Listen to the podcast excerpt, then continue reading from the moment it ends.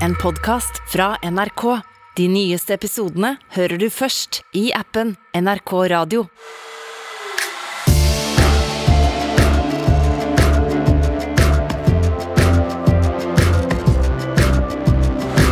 En psykotisk varulv, en sint eksmann med sushikniv og et kriminelt miljø. For første gang kan NRK vise et unikt drapskart over Oslo, hvor drapene har én ting til felles.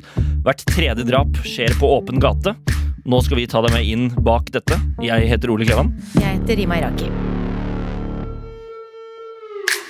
Ja, eh, Fanny er jo ikke her i dag. Nei, hun er ikke det. Hun eh, har forlatt oss. Reist til New York. Hun har reist til The Big Apple for å, altså, for å besøke noen venner.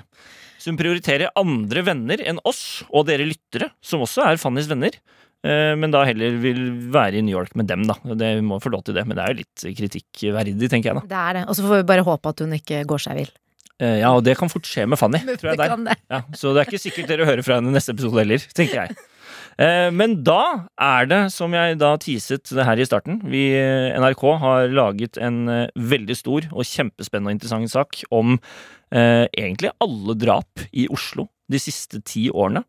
Og journalist Trude Lorentzen, det er du som har lagd den saken, og du tar over Fannys plass for å fortelle om dette i dag.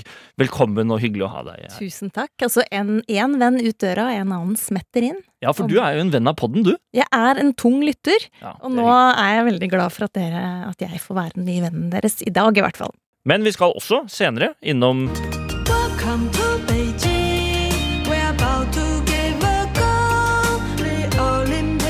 Det er en solid OL-sang. Jeg syns den var veldig fin. Ja, du skal snakke litt om hva slags Kina som arrangerer OL, egentlig, Rima. Ja, og hva har skjedd siden sist de arrangerte OL i 2008? Fordi landet har utviklet seg i rekordfart, og spørsmålet som veldig mange stiller nå, er hva kommer til å skje hvis Kina en dag blir den globale supermakten? Og for dere som da nå frykter Å nei, blir det ikke quiz siden Fanny er borte? Jo da, selvfølgelig blir det quiz. Det er klart det alltid skal være nyhetsquiz til slutt, og da har vår eminente produsent, som også heter Trude Nå er det to Truder her i dag. Trude skal da quize Rima og meg, så det blir full pakke, men det blir altså to saker i dag, og det blir quiz helt til slutt. Og du, Trude, eh, kan du bare raskt si hva er, det, hva, er det, hva er det du har lagd, og hva er det vi skal inn i, på en måte? Ja, altså jeg har nesten tatt litt sånn doktorgrad i drap det siste halvåret. Mm. For jeg har eh, pløyd gjennom, sammen med noen kollegaer, da, eh, alt som er av drap i Oslo, Norges største by, de siste ti åra. Og da har jeg lest drapsdommer til frokost og lunsj og middag, og til og med på sengekanten om kvelden.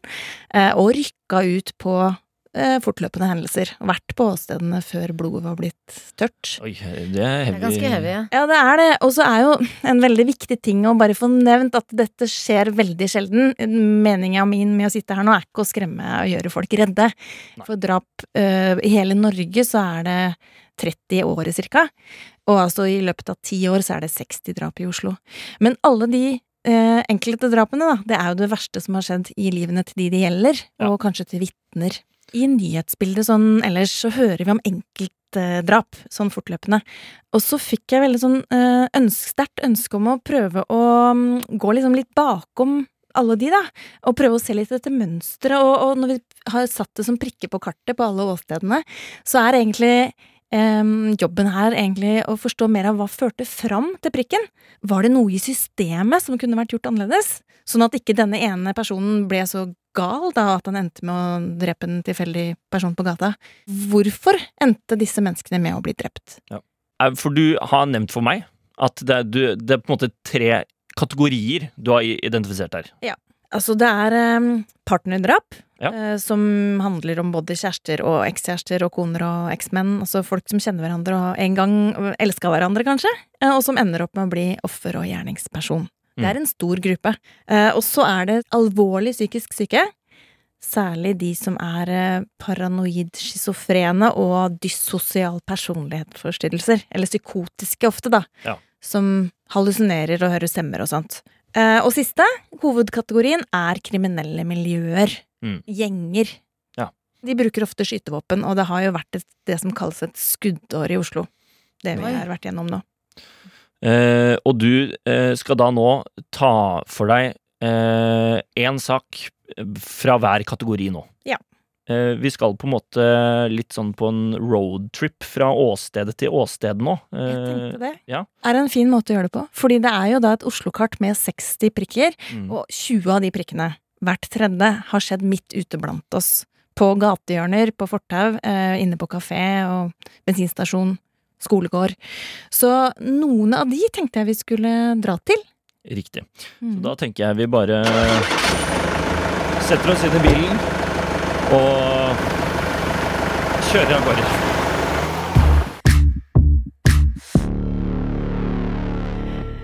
Vi begynner denne kjøreturen i Oslo vest, på Frogner, i den aller fjongeste bydelen, sånn tradisjonelt i hvert fall. På en eh, livlig sånn hjørnekafé en deilig søndag kveld i juli. Og da er det masse folk der. De drikker eh, sånne flotte bobleflasker som sikkert ligger i bøtte, ser jeg for meg. Mm. Og så står det ei jente bak bardisken som er helt nyansatt. Hun er på opplæring. Um, nydelig, pen jente med langt, eh, sånn brunrødt hår og store øyne. Og tsjekkisk aksent. Hun er egentlig tsjekkisk. Okay. Og på denne samme kafeen, som heter Tiffany kafé, eh, der møtte hun en mann en gang, for noen år siden, som hun blei kjæreste med en periode. Og de har barn sammen. Og hun er redd for han, det veit vi på forhånd. Fordi han har til og med sona en dom for kvinnemishandling en, av en annen dame. Okay. Og så er han veldig sinna, for han mener at hun har lurt han for noe penger, og at han ikke får se det barnet de har sammen, nok. Så mens Veronica, som hun heter, eh, står der og blander drinker, så sitter han ekskjæresten eh, og hisser seg opp og er forbanna på en eh, pub i nabolaget. Ja, for han er ikke der, han er på en annen Han eh, pub. sitter først og prøver å roe seg ned med den nydelige kombinasjonen whisky og øl. Og da er han sint på henne. Han er sint, og han har hørt fra en venn at eh, hun har fått jobb der nå.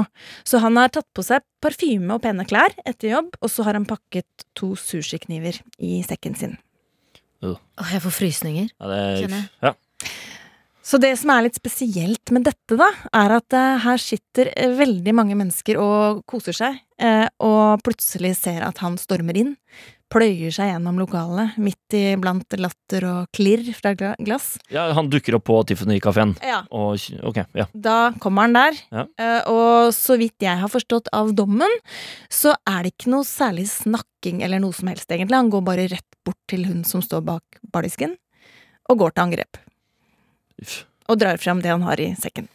Sushikniver. Sushikniver og, og rett og slett veldig voldsomt uh, angrep på henne. Ja. Uh, og han er jo egentlig da faktisk en veldig sånn klassisk, eh, en typisk drapsmann. Han er litt eldre, han her, uh, men vanligvis så er de, ligger de, det er ofte menn, da. Altså de fleste ligger mellom 20 og 30 år, og de bruker kniv. Og når eh, damer blir offer, så er det ofte veldig sånn voldsomme følelser i sving, som i dette tilfellet her. Så det er mye sånn brutale skader, mens menn som blir offer, ofte får eh, liksom et kontant skudd. Riktig. Så det er litt uh, forskjell på det, egentlig. Men dette blir et veldig, veldig stygg og en, en helt utrolig traumatisk opplevelse, vil jeg ta for gitt, for alle, din, alle som ser Ja, dette. for, da For det var mange der. Masse folk! så de sitter og tar seg en, eh, rett og slett en sommerpils eller noen sommerbobler og koser seg eh, midt i juli, var det det? Mm. Og så kommer det da en fyr inn med sushikniv og angriper bartenderen. Ja. Rett og slett. Og det som er litt spesielt uh, i denne saken her, er at eh, folk rundt, de går, de tar affære. De liksom eh, begynner å slå han gjerningspersonen med Og de gjør det, ja. Ja, det er jo veldig altså, eh, bra, men det er jo helt eh, sjukt å tenke sånn ok, da Du risikerer jo ditt eget liv, da, og går inn der. Ja, jeg er ikke sikker på om det er sånn man skal anbefale å gjøre, men de gjør det i hvert fall, eh, og prøver å hindre det som skjer. Eh, Men de klarer jo ikke det, dessverre. Så hun eh, blir hardt skada og dør en uke seinere på Ullevål sykehus. Og så blir hun begravet på det som skulle vært sin egen 28-årsdag. Nei, fy faen. Å, så tragisk. Men du sa også at han hadde funnet ut av hvor hun jobbet. Da betyr det, betyr det at hun har forsøkt å holde det skjult for han? Ja, jeg tror de hadde minimal kontakt. Men uh, at det skulle gå så gærent, hadde hun vel aldri helt uh, forutsett selv, da. Men det er her man i hvert fall ser en sånn veldig forbedringspotensial til å hindre, ved å ta sånne Når politiet har vel fått en egen sånn uh, risikovurderingsskjema når de blir tilkalt til bråk mellom parter, kjæreste, ekspartnere, Mm. så å virkelig ta på alvor at det Her kan man stoppe en del drap, da. Så dette her, det er et veldig klassisk eksempel på et partnerdrap. Og så skal vi jo da Vi har to kategorier til, så da kan vi jo da kjøre videre på kartet til det neste. Ja, og den eh, historien, den begynner egentlig på et, eh, eller inne i et guttekollektiv oppe på Sankthanshaugen, der det sitter en gutt på 24 år og gamer. Mm. Han spiller PlayStation Assassin Creed. Assassin's Creed, ja. Assassin's Creed, ja. Det har jeg spilt mye. Det har Og- ikke jeg. Ikke jeg heller. Men, Dere eh, slår meg ikke som gamere. Det gjør dere ikke. men kompisen hans, han stusser. Fordi han, spør, han som spiller, han spør om han skal vise han hvordan det er mulig å bli en varulv ved å drepe noen. Og så viser han et litt sånn brutalt knivdrap på en kvinne inne i spillet. Ok. Det begynner der. Eh, og så eh, I løpet av en viss periode da, så begynner kompisen å stusse enda mer. For den er veldig opptatt av varulver. Uh, og han, han fyren her, på 24 år, han har ikke vært uh, psykisk syk som, som noen har visst om, men han har brukt en del dop. uh, før. Og typisk sånne stoffer som kan gi deg hallusinasjoner. Sånn LSD og mm, Hva heter de alle disse stoffene? da? Sopp Ja, fleinsopp. Mm. Uh, kanskje litt MDMA. Metylon var det et partydop som het. Og så har han, uh, blant annet en kveld han var full, så gikk han opp på taket og kasta stein på noen naboer. Fordi han mente at de hadde sniffa på han i heisen. Så de også, de var sannsynligvis varulver. Ok. Oi. Ja. Så han her, han lever nok litt i en sånn fantasiverden som begynner å bli ganske intens for han. Mm. Men så er han samtidig telefonselger og klarer å fungere i jobben sin, så på jobb så er det ingen kollegaer som merker noe på han. Og han jobber nede i havnelageret, det svære rosa murhuset nede i Bjørvika. Og så har han uh, gått på jernet en dag og kjøpt seg en liten skrellekniv. En ganske liten kniv. Mm. Men den tar han med seg på jobb en dag. Og den dagen eh, der eh, klarer han å jobbe og gjøre jobben sin, selge ting, hva det nå enn er, på telefon. Og rett etter at han har lagt på for kvelden, han jobber litt seint, til ni, så går han ut i byen eh, og bortover mot Akershus festning, der en del østeuropeiske og afrikanske kvinner selger sex, Mm. og går bort til en helt tilfeldig eh, mørkeblå bil, der det står ei ung jente fra Bulgaria og venter på kunder. Galina heter hun. Ja. Og så kjører de to av sted, ned til eh, operaen. Når var dette? Dette var i 2015, så da så akkurat det området veldig annerledes ut. Da var det mye liksom, røft havneområde, egentlig. Ja. Før Sørenga. Det som nå er luksusboligadresser. Eh, Men det som skjer da, er at politiet får en oppringning, en nødoppringning fra hennes telefon, men så er det ingen som sier noe. Eh, De hører bare noen sånn anstrengte pustelyder. Politiet hører bare anstrengte pustelyder. Ja. Og så blir ikke hun funnet før et døgn seinere. Eh, Veldig ille drept. Igjen med kniv, da.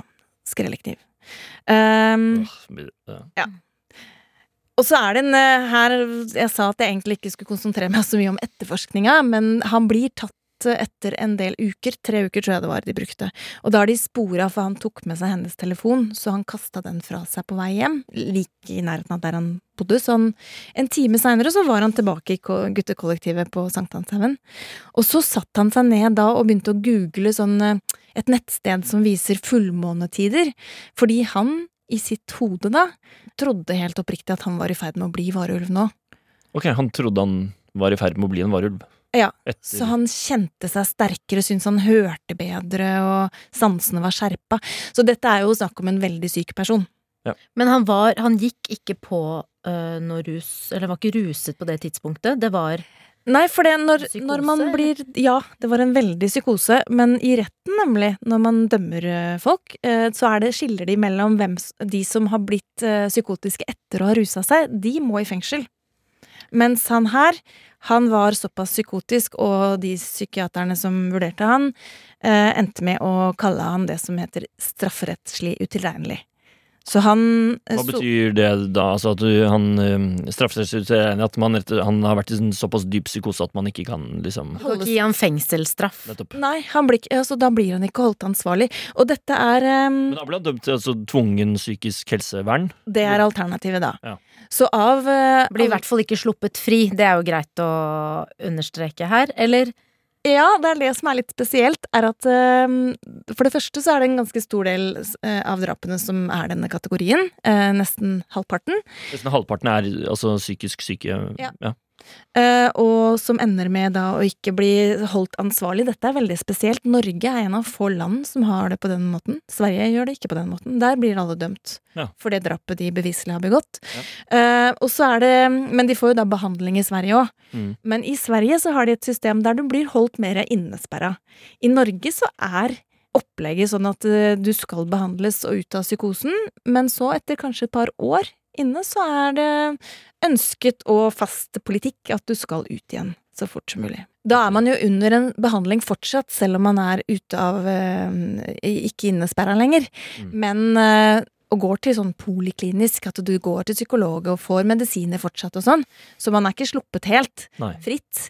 Men det er vel en tanke om at folk, det er en bedre måte å bli frisk på, da. Men det er litt spesielt dette også. Det er veldig Norge skiller seg fra mange andre land. Det er veldig spesielt, og jeg tror også at det er veldig øh, spesielt for de som er pårørende og etterlatte, at den personen som har øh, drept øh, den kjæreste Ja. øh, du vet om, blir sluppet fri etter Altså i gåse, hermetegn. Ja. Etter en stund. Det må være veldig ubehagelig. Ja, og så er jo hele psykiatrien i Norge i mm, løpet av mange år, 20 år, så har de lagt ned sengeplasser. Så målet er at man skal være Man skal helst ikke bli innlagt. For du skal være veldig, veldig syk for å bli innlagt i første omgang. Så det med å holde folk innesperra er Norge veldig, veldig motstander av, da. Ja. Mer enn mange andre land. Men det som denne saken egentlig forteller om, da viser, er egentlig bare hvor utrolig psykisk syk og hvilken fantasiverden Mm. noen mennesker lever i, da. Ja. Og han her, han fikk diagnosen paranoid schizofreni. Riktig. Da er det mye hallusinasjoner.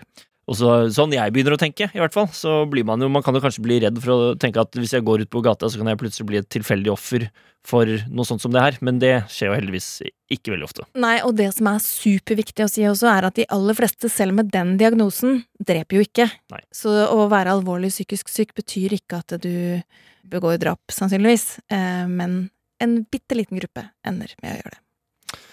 Og så har du da den siste kategorien. Ja, da bærer kjøreturen vår litt eh, øst og sørover. Um, for nå skal vi inn i de litt mer sånn um, eh, miljøene, eh, Ja. der det er kriminelle gjenger i sving. Litt forut for det som skal skje her. Ja. Før det så er det noe chatting på et sånn kryptert chatteforum som heter Vikker. Eh, og for oss som ikke kanskje er så inne i språket, så er det ikke så lett å skjønne hva er på gang her, men det snakkes om at folk skal ned, og det skal skje noe på fredag. Eh, og der snakkes om Gats og AK, og for de som eh, er ute på asfalten, så er det, det er skytevåpen. Ja. Eh, og det er et miljø på Holmlia og på Mortensrud som er i clinch. Og akkurat denne saken her skal vi ikke gå så kjempedetaljert inn i, fordi det er litt utydelig hva som skjedde, eh, og de involvertes roller. Fordi den er nemlig anka. Så den er, skal opp til Så den er under behandling, rett og slett, den Ja. saken her. Ja. Så vi skal, jeg skal passe meg litt for å ikke si altfor mye om offer og gjerningspersonen. Så det er ikke noe endelig svar. Nei, på en del ting det, det som skjedde, skjedde. Det er alle enige om skjedde. For det var altså at fire gutter er inne på Prinsdal grill, en, eh, et gatekjøkken, og spiser. Fire kompiser. De kommer fra Mortensrud eh, denne fredagskvelden, der andre har chatta om at noe skal skje. Eh, og så spiser de kebab og pizza, og så veit de ikke at ute i mørket utenfor så står det noen og følger med på dem. En maskert type med GATS, eller AK, eller hva vi kaller det. Ok. Eh, og så, når de har spist opp så Altså, hadde han pistol eller maskingevær? Ja, pistol. Ja. Mm. Eh, og så sier de ha det til han fyren i gatekjøkkenet. Han skal til å stenge for kvelden, og går ut, og en av dem tenner seg en røyk på trappa utenfor. Eh, og han gatekjøkkenmannen, han sto og var i gang med oppvasken og hørte noe skrik. Og så har da Halil Kara, som han het, eh, en 21 år gammel gutt av de som satt og spiste, Mm. Blitt skutt på kloss hold i tinningen. Ute på parkeringsplassen. Ja. Av en fyr. Han har innrømma at han skøyt, altså. Okay. Og det er den ankesaken, det som ikke er helt klarlagt ennå, er om han mente, eh, om han skjønte at den pistolen var ladd. Blant annet. ja, ok. Riktig. Men uansett så er i hvert fall det at en ung gutt som absolutt ikke var noe gjengmedlem, ikke noe tatovert i ansiktet eller eh, kjetting rundt halsen, han ender med å dø der, da. Eh, og selv om jeg sa det at kniv er det vanligste drapsvåpenet sånn eh, generelt, så er pistol og skytevåpen noe som har kommet mye mer, og i disse miljøene er det det som eh, dominerer. Mm. Eh, og blant de gatedrapene, hvis vi kan kalle det det, i Oslo, så er eh, skytevåpen omtrent halvparten av Ja. drapene. Men kunne man ha gjort noe her for å forhindre dette drapet? Altså sånn helt konkret så har det jo vært gjort eh, våpenkontroller blant T-banepassasjerer, sånn helt tilfeldig i Oslo, der politiet har eh, funnet ut og tatt fra folk som går bevæpna rundt. Det er jo en veldig sånn neppe og konkret ting. Eh, Men jeg tror også selve etterforskninga, at de tar det så på alvor og sørger for at de gjerningspersonene blir tatt, er veldig viktig som en sånn signaleffekt inn i miljøene. At du slipper ikke unna med å plaffe Ja. ned folk. Du blir tatt hvis du, Du gjør blir der. Mm. For hvis sånne miljøer opplever at ikke politiet gjør jobben sin, og sørger for at rettferdigheten skjer, da tar de loven fort i egne hender, og så har man en hevnspiral, og det kan føre fram til en ny prikk på kartet. Det var jo da tre eksempler fra de tre kategoriene som har blitt eh, identifisert. Eh, er det noe du avslutningsvis på en måte har lyst til å si om, om saken og det du har funnet ut? Og, Altså For å gi litt håp, ja, og for å berolige, Ja. så er politiet veldig flinke. Ja. Det er de. Eh, og de få gangene det skjer drap, så nesten utelukkende så klarer de å ta den som gjorde det, og oppklare saken. Og blant eh, alle drapene i Oslo de siste ti årene, så er det ett eneste ett som ikke er oppklart ennå. Ok, så av For du sa det var 60, 60. på de siste ti årene. Det Mhm. er kun ett som ikke har blitt oppklart? Ja. Det er jo ganske høy oppklaringsprosent, vil jeg si.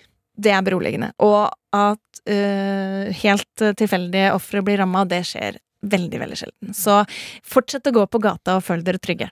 Trude, dette her har vært eh, veldig interessant og opplysende, så tusen takk for at du ble med. Og dere som hører på, dere kan lese da om flere av disse situasjonene og drapene, og se på dette drapskartet på nrk.no, hvor Trude har lagd en kjempesak med bilder og hele pakka. Og vi har også en spesial på NRK Nyheter på Snapchat, eh, hvor dere også kan eh, få gå mer i dybden på eh, dette her.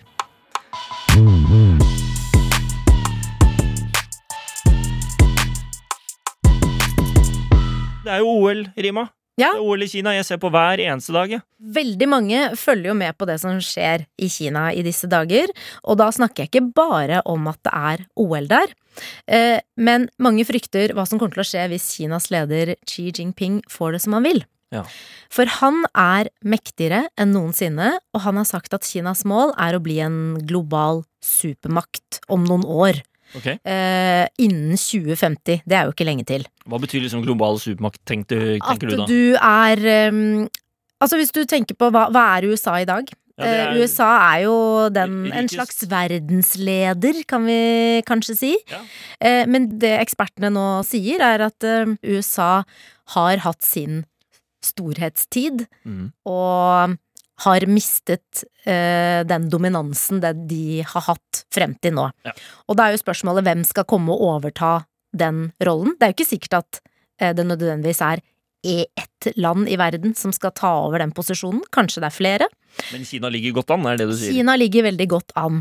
Men eh, det at Kina da nå arrangerer OL og har de store olympiske vinterleker, kan man på en måte si at det er eh, en del av deres måte, strategi for å bli en supermakt, eller? Det er i hvert fall en måte for Kina å vise verden eh, hvor langt de har kommet. Mm. Eh, De er ganske langt framme når det gjelder teknologisk utvikling, det vet vi jo. Eh, Mye av de eh, elektroniske tingene vi bruker er skapt og laget i Kina. Ja, Hu og hele pakka. Ja, ikke sant? Og um, de har også fått et ganske sterkt militære, og det er jo veldig bra for Kina.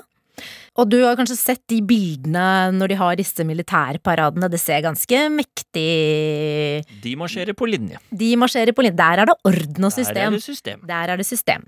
Kinesere flest har fått bedre råd Mm. i løpet av de siste årene, og det er bra. Eh, Kvinner har det veldig bra eh, sammenlignet med eh, veldig mange andre kvinner i andre deler av verden. Men så, så har de også utviklet seg i en negativ retning under leder Xi Jinping. For under han så har Kina blitt mer lukket, eh, han beskyldes for å bryte menneskerettighetene. Helt siden det ble klart at det skulle bli OL i Beijing i 2022, så har jo kritikken haglet mot eh, Kina. Eh, Og det har kommet trusler om eh, å boikotte eh, OL. Mm. Mange har jo sendt idrettsutøverne sine til, til OL, men eh, store og viktige nasjoner som USA, Storbritannia, Canada og Australia har innført det man kaller diplomatisk boikott, altså at de ikke sender sine representanter Nei. til dette Det er et OL. signal om at det er et signal om at vi. er, eh, vi er kritiske til det dere gjør. Og de protesterer mot at Kina bryter menneskerettighetene. For eksempel så har det blitt vanskeligere for kinesere å kritisere myndighetene i landet de siste årene. Og i Xinjiang-provinsen, dette er en provins i Kina, så beskyldes eh, regimet for å fengsle, torturere og henrette landets muslimske minoritet, som man kaller uigurer. Mm. Og dette har det vært snakket mye om nå i det siste, særlig i forbindelse med dette OL-arrangementet. Eh, USA beskylder dem for folkemord eh, og for å viske ut en kultur. Og Kina de avviser jo dette og sier at de driver skoler som skal gi folk en bedre framtid. Ja, det var jo et uh, fint svar, det, på all kritikken. Vi Det- driver med skoler som skal bygge en bedre fremtid, så takk for ja, oss. de avviser det helt, og også under åpningsseremonien nå så hadde de en uigur som tente OL-ilden. Ja, Og det var jo også et sign, det er jo også blitt tolket som et signal om at ja, men se her, her slipper vi denne minoriteten til, alt er i sin skjønneste orden. Ja. Og alt dette eh, gjør at kritikken mot eh, Kina har økt de siste årene, og at man frykter hva som vil skje hvis de får mer makt i verden, for det er faktisk mulig at Kina blir den ledende supermakten i verden om noen år.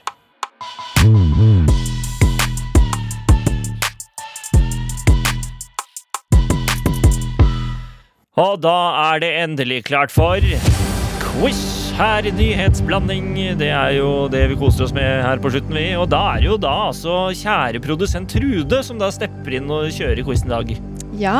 Ja, du har jo utarbeidet noen av quizene vi har hatt her. Ja. Og tidvis så føler jeg at det kan gagne noen, og av og til ikke. I- Nå, nå, kan du endelig liksom få lov til å lede din egen quiz Ja. som du har laget. Og denne skal ikke gagne noen i det hele tatt. Jeg skal ikke det, nei. Ok, veldig På ingen måte. Uh, vi, vi begynner nå, vi. Og reglene er at man ikke kan bruke ordene ja eller nei. Bruker du ja eller nei, så får du minuspoeng. Det er greit. Det er greit. Um, vi er i gang. Ole, ikke bli så hissig denne gangen når du svarer hm, mhm. Ok da. Du lever deg virkelig inn i disse quizene. Det er så gøy å se. Men det er fordi at jeg, jeg, det, det, jeg blir forbanna når jeg sier de ordene. For jeg har bare lyst til å vinne quizen, og så er det den der dumme regelen som egentlig jeg innførte. Og så er jeg dårligst på den, da. Så det, ja. Ikke sant? Der var vi i gang. Veldig bra. Eh, men ja, du sier Ole at du har lyst til å vinne quizen. Du ligger foreløpig dårligst an, for du har minus 49. Rima har minus 13. Um, Men til Oles forsvar så har jeg vært med en gang mindre. Var det Det- ikke Du sånn? har én kamp mindre spilt, eh, Ja. tenker jeg Oi. at vi sier. Bra. kjempe. Ok, første spørsmål. Det går til deg, Rima. Klar? Du må Jeg er klar, jeg er klar. Men jeg må bare få litt betenkningstid, for jeg bruker litt jeg må, Det går litt treigere når Gjør man det? er så bevisst på at man ikke skal svare. Ja, det meg var det. et ord fra meg.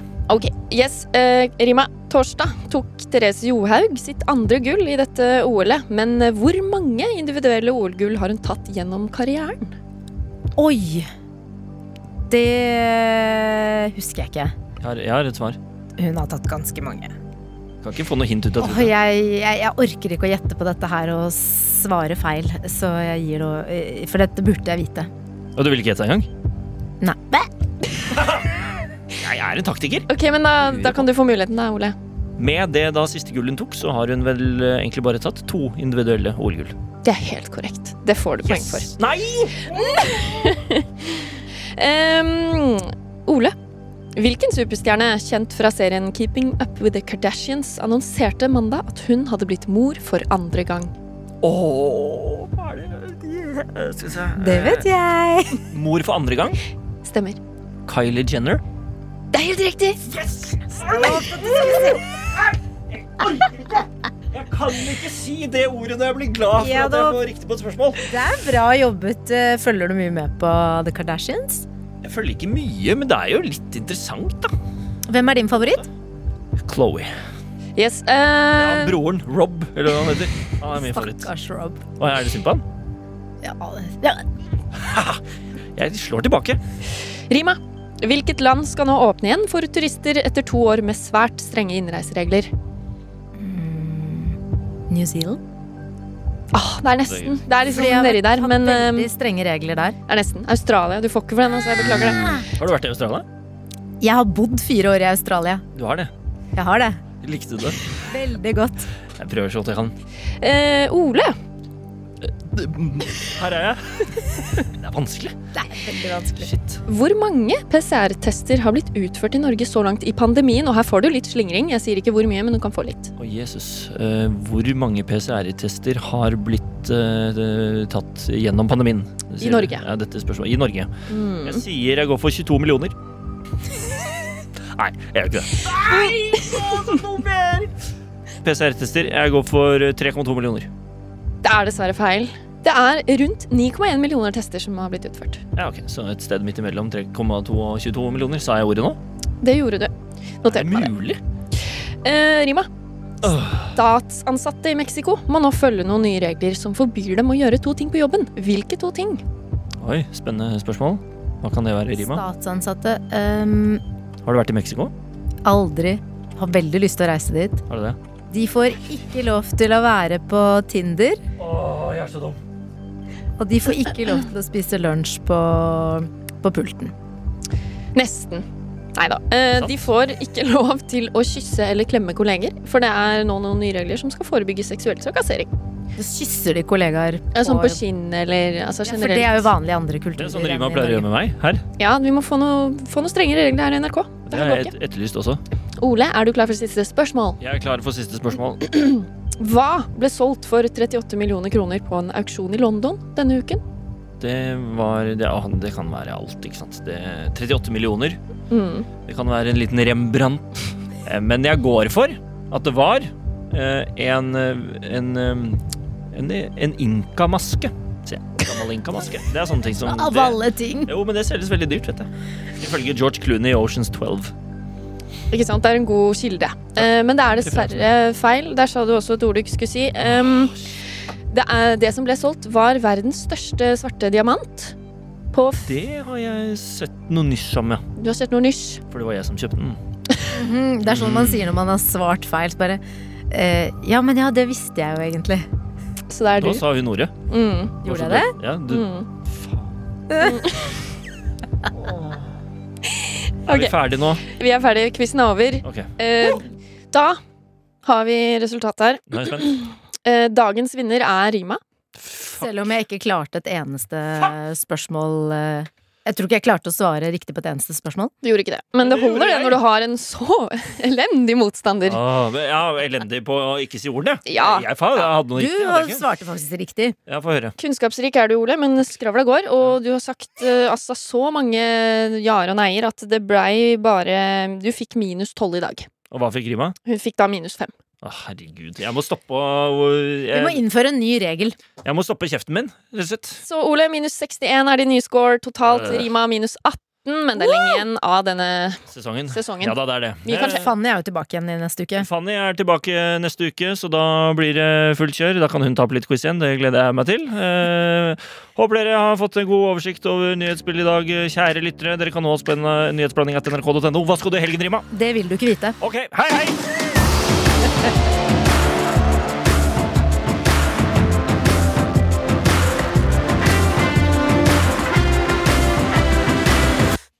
hørt på Nyhetsblanding. Produsent er Trude Furuli, og ansvarlig redaktør er Espen Olsen Langfelt. Du har hørt en podkast fra NRK.